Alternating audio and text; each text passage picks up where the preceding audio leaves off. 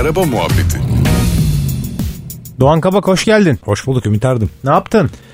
İyiyim ne yapayım ya bir yaya geçinden geçtim gelirken. Konu, konu başlığı güzel. Aynen öldüm öyle geldim. Vallahi tabii ölme garantili bizde. Tabii. Ya bizim yaya geçidi işi çok gündem oldu son zamanlarda. Evet. Bununla ilgili kamu spotu falan da çekildi. Tabii üzücü geç kalınmış bir operasyon. Yani bu geç kalınmış bir farkındalık bizim için. Avrupa'da uzun yıllardır belki de 100 yıldır falan bununla ilgili bir bilinç oturmuş olabilir ama bize çok daha yeni geliyor ve riayet etmemiz de zaman alıyor maalesef ülke olarak. Ben bununla ilgili sana şöyle çirkin bir itirafta bulunayım. Tabii. 2002 yılında ilk yurt dışına çıktım.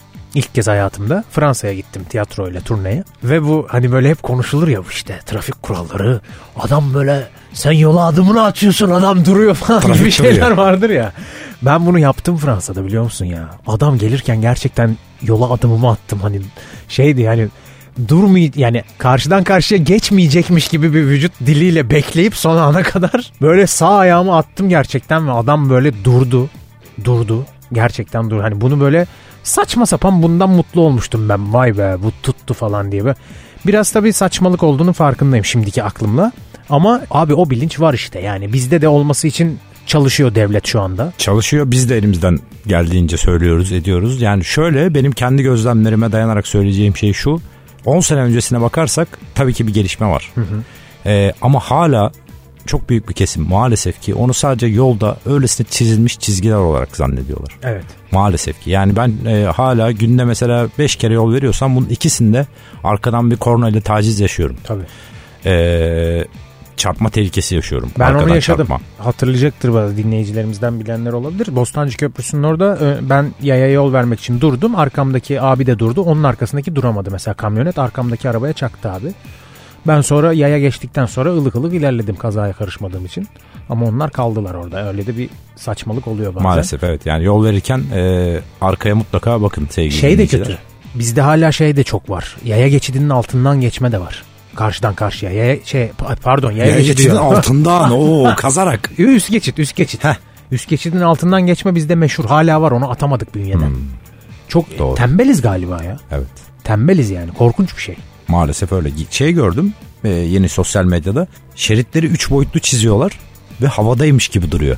Ve acayip ilgi çekici bir şey oluyor. Yani arabayla görmemen imkansız. Dikkat etmemen imkansız. Hmm. Vay. Çok mantıklı bir şey geldi bana. Türkiye'de denenir mi bilmiyorum.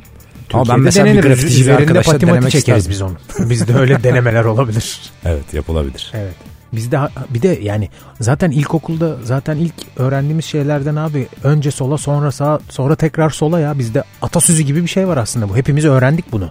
Önce Karşı- sağa sonra sola. Önce sonra, sola. Önce sola sonra, sonra sağa. sağa sonra, tekrar, sola. Bak, bu benim ezberimde mesela 30 yıldır Evet falan. doğru. Hani Ne bunu- güzel mesela öğretmişler Evet değil mi? abi, atasözü gibi Bununla beynimize beraber mesela işlemiş. işte yaya geçidinde öğrenmiş olsak Evet. değil mi ne kadar güzel olurdu. Zaten bence gerçekten ilkokula inmezse trafik bilinci daha fazla uygulamalı olarak yani teorik olarak değil. E, federasyonun bununla ilgili çok güzel çalışmaları var bu arada. E, Veli'nin Karnesi isimli bir projesi var.